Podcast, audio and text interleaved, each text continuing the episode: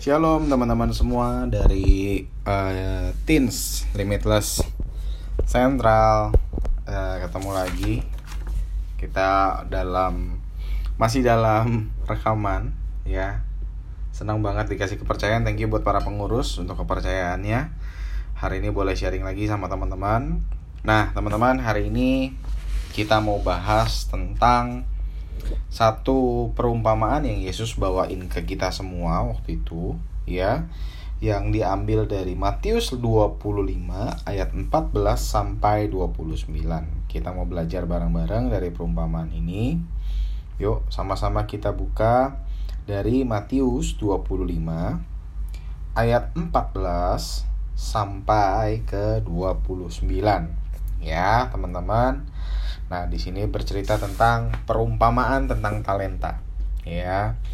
Aku baca satu-satu ya. Sebab hal kerajaan sorga sama seperti seorang yang mau berpergian ke luar negeri yang memanggil hamba-hambanya dan mempercayakan hartanya kepada mereka. Maksudnya adalah di sini uh, Tuhan sebagai Tuhan mempercayakan kepada kita nih hamba-hambanya. Oke. Nah, di ayat ke-15, yang seorang diberikannya lima talenta, yang seorang lagi dua, dan yang seorang lain lagi satu masing-masing menurut kesanggupannya. Lalu ia berangkat. Jadi, di ayat ke-15 diperhatikan bahwa masing-masing orang diberikan berbeda. Menurut apa? Menurut kesanggupannya lalu ia berangkat. Jadi bukan berarti tuannya pilih kasih, tapi karena ada orang yang sanggupnya lima, ada yang sanggupnya dua, dan ada yang sanggupnya satu. Ayat ke-16 Segera pergilah hamba yang menerima lima talenta itu Ia menjalankan uang itu lalu beroleh laba lima talenta Ya, ayat ke-17 Hamba yang menerima dua talenta pun berbuat demikian juga Dan berlaba dua talenta tetapi hamba yang menerima satu talenta itu pergi dan menggali lubang di dalam tanah itu lalu menyembunyikan uang tuannya. Jadi uh, yang dikasih lima dia pergi uh, apa namanya menerima lima talenta menjalankan uang itu maksudnya mengusahakan uang itu sampai akhirnya beroleh laba lima lagi. Jadi dari lima jadi sepuluh ya. Karena apa? Karena dijalankan. Nah, hamba yang dua juga sama ya dilakukan juga sampai beroleh dua talenta. Tetapi hamba yang menerima satu talenta itu pergi. Cuman menggali lubang terus ditaruh aja. Nggak diusahain sama sekali ya. Terus yang ke 19 selama sesudah itu pulanglah tuan hamba-hamba itu lalu mengadakan perhitungan dengan mereka. Ayo semua sini kumpul gitu ya. Nah, ayat ke-20, hamba yang menerima lima talenta itu datang dan ia membawa laba lima talenta. Katanya gini, Tuan, lima talenta Tuan percayakan kepadaku, lihat, aku telah beroleh laba 5 talenta. Ya, jadi dia laporan terus dari gitu tuannya ngomong gini, maka tuannya itu kepadanya. Baik sekali perbuatanmu itu. Ah, perhatikan baik-baik. Baik sekali perbuatanmu itu, hai hambaku yang baik dan setia. Ya, baik sekali perbuatanmu, hambaku yang baik dan setia. Perhatikan lagi, engkau telah setia dalam perkara kecil Aku akan memberikan kepadamu tanggung jawab besar dalam perkara yang besar. Masuklah dan turutlah dalam kebahagiaan Tuanmu. Ya, jadi teman-teman lihat di sini.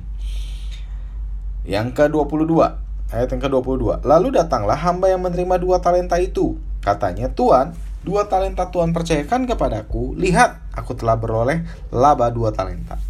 Maka tuannya itu kepadanya. Nah, tuannya ngomong begini, baik sekali perbuatanmu itu, hai hambaku yang baik dan setia. Jadi pujiannya sama ya, yang lima menghasilkan lima baik sekali perbuatanmu, hambaku yang baik dan setia. Yang kedua juga sama, hambaku yang baik dan setia, engkau telah menerima tanggung jawab, memikul tanggung jawab dalam perkara yang kecil. Jadi yang lima juga bilang, lu bertanggung jawab dalam perkara yang kecil. Yang kedua juga bilang, kamu bertanggung jawab dalam perkara yang kecil. Dan aku akan memberikan kepadamu tanggung jawab yang perka tanggung jawab dalam perkara yang besar. Masuklah dan turutlah berbahagia dalam kebahagiaan Tuanmu. Nah, ayat ke-24, kini datanglah juga hamba menerima satu talenta itu dan berkata, Tuan, aku tahu bahwa Tuhan adalah manusia yang kejam, yang menuai di tempat di mana Tuhan tidak menabur, yang memungut di tempat di mana Tuhan tidak menanam. Karena itu, aku takut dan aku pergi menyembunyikan talenta itu di dalam tanah. Ini, terimalah kepunyaan Tuhan. Maka jawab tuannya itu, "Hai kamu hamba yang jahat dan malas." Jadi kamu sudah tahu bahwa aku menuai di tempat di mana aku tidak menabur dan memungut di tem dari tempat di mana aku tidak menanam. Karena itu sudahlah seharusnya uangku itu kau berikan kepada orang yang menjalankan uang ya yang bertanggung jawab supaya sekembaliku aku menerimanya serta dengan bunganya. Sebab itu ambillah talenta itu daripadanya dan berikan kepada orang yang mempunyai 10 talenta itu.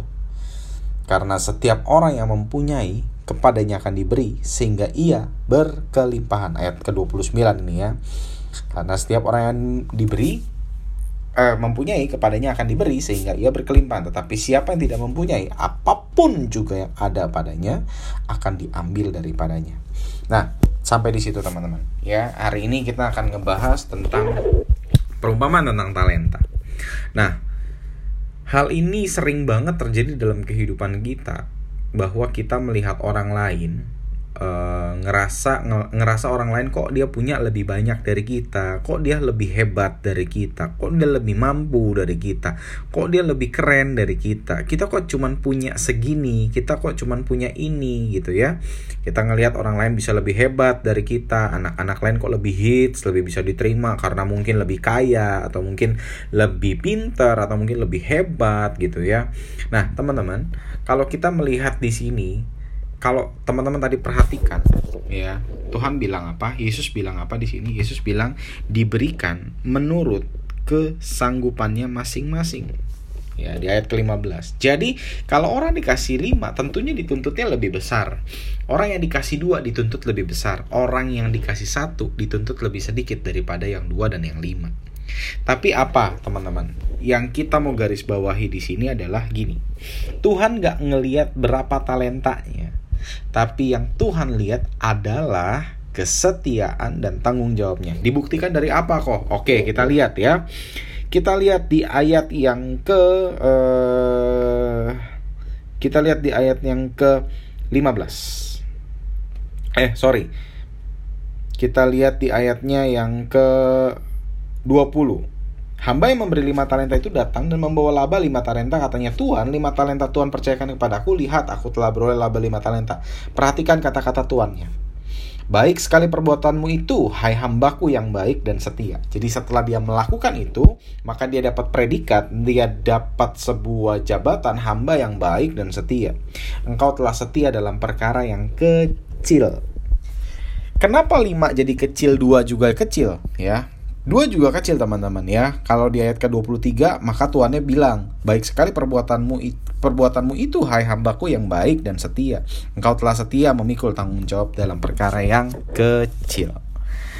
Nah, berarti di sini bukan permasalahan apa yang kita punya hari ini, teman-teman. Tapi apa yang kita kerjakan hari ini. Itu yang matters buat kita. Itu yang Tuhan lihat ya jadi sering kali kita ngelihat sering kali sering kali kita ada di posisi hamba yang punya satu talenta Contohnya apa? Udah punya cuman satu, males, nggak dikembangin, yang ada nyalahin Tuhan. Ah, gue cuman punya ini doang, gue nggak sanggup yang lain, gue cuman punya ini doang. Gue cuman bisa main game doang, gue nggak bisa ngapa-ngapain nggak nggak nggak memanfaatkan waktu dengan baik. Kerjanya tiap hari nge YouTube main game. Main game bukan nggak boleh ya main game boleh tapi harus tahu waktu ya. Dalam waktunya nggak boleh main game lebih banyak daripada pengembangan diri kamu dari waktu kamu belajar. Karena apa? Belajar adalah tanggung jawab Kok cuman belajar? Ya karena belajar itu cuman makanya kamu harus tekuni. Karena apa? Tuhan bilang setia dalam perkara yang kecil, maka kamu akan dipercaya perkara yang besar. Makanya Tuhan bilang bukan masalah berapa talenta yang kamu miliki, tapi apa yang kamu lakukan dengan talenta itu. Yang lima menghasilkan lima pujiannya sama kok, sama yang dua menghasilkan dua.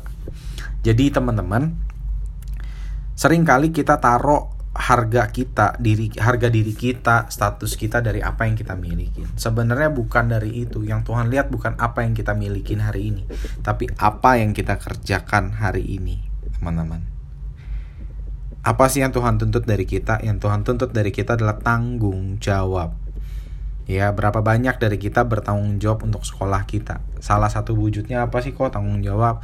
Gampang kok, kamu belajar serius nggak?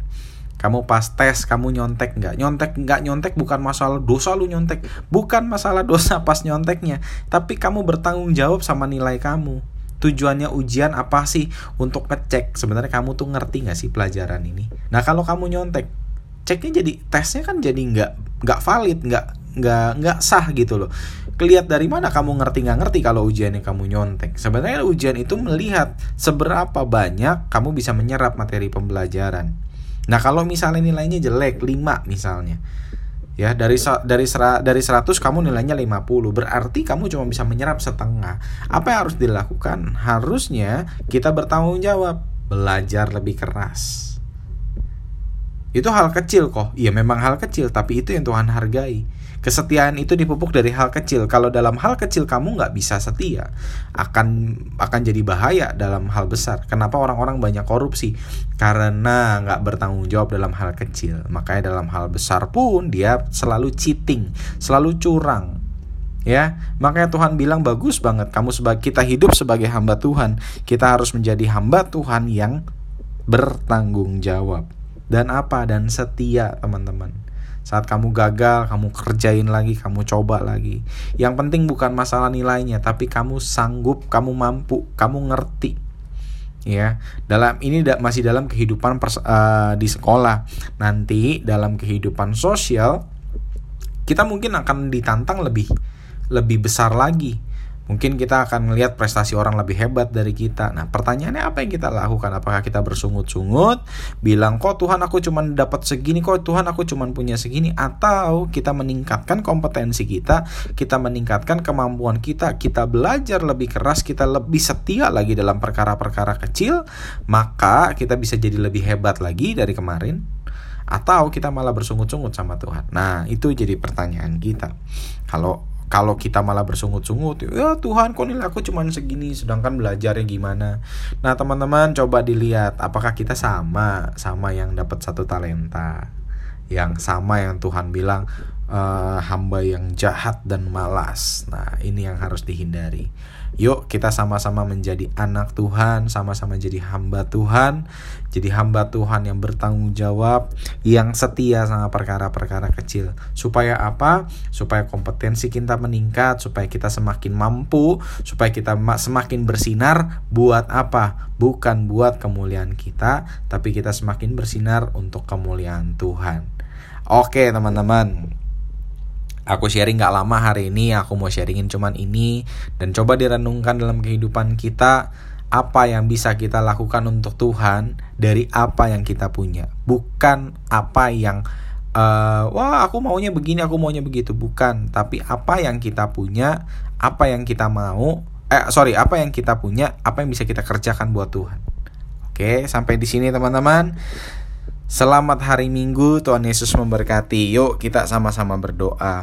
Bapak kami mengucap syukur untuk hari ini kalau kami masih boleh bersekutu bersama mendengarkan firman Tuhan meskipun lewat online kami mengucap syukur untuk pemeliharaan Tuhan dalam kehidupan kami, dalam kehidupan orang tua kami, dalam kehidupan gereja kami. Kami mengucap syukur untuk semua berkat yang Tuhan berikan dalam kehidupan kami. Dan Tuhan kiranya firman-Mu ini boleh menjadi benih dalam kehidupan kami. Tuhan boleh menguatkan kami supaya kami boleh bertanggung jawab dalam segala hal. Kami boleh semakin uh, giat dalam perkara-perkara kecil Tuhan dalam belajar kami dalam taat sama orang tua dalam ta dalam mengasihi orang tua mengasihi teman-teman kami. Kami boleh setia sama perintah Tuhan dari perkara-perkara kecil supaya apa? Supaya kami boleh kuat di dalam Tuhan supaya kami di mana pun kami berada kami boleh mencerminkan kemuliaan Tuhan dalam kehidupan kami. Tuhan pakai anak-anakmu dalam limitless teens ini Tuhan. Kiranya kehidupan mereka juga Tuhan boleh berkati sekolah mereka boleh Tuhan berkati keluarga mereka Tuhan boleh berkati dan masa masa depan mereka juga ada dalam pemeliharaan Tuhan. Berikan mereka pengharapan, berikan mereka kekuatan untuk melewati ini semua, sehingga mereka boleh menjadi pemenang. Terima kasih ya Tuhan, kami menyerahkan semua ke dalam tangan pimpinan Tuhan di dalam nama Tuhan Yesus Kristus. Kami berdoa dengan mengucap syukur. Amin. Tuhan Yesus memberkati teman-teman.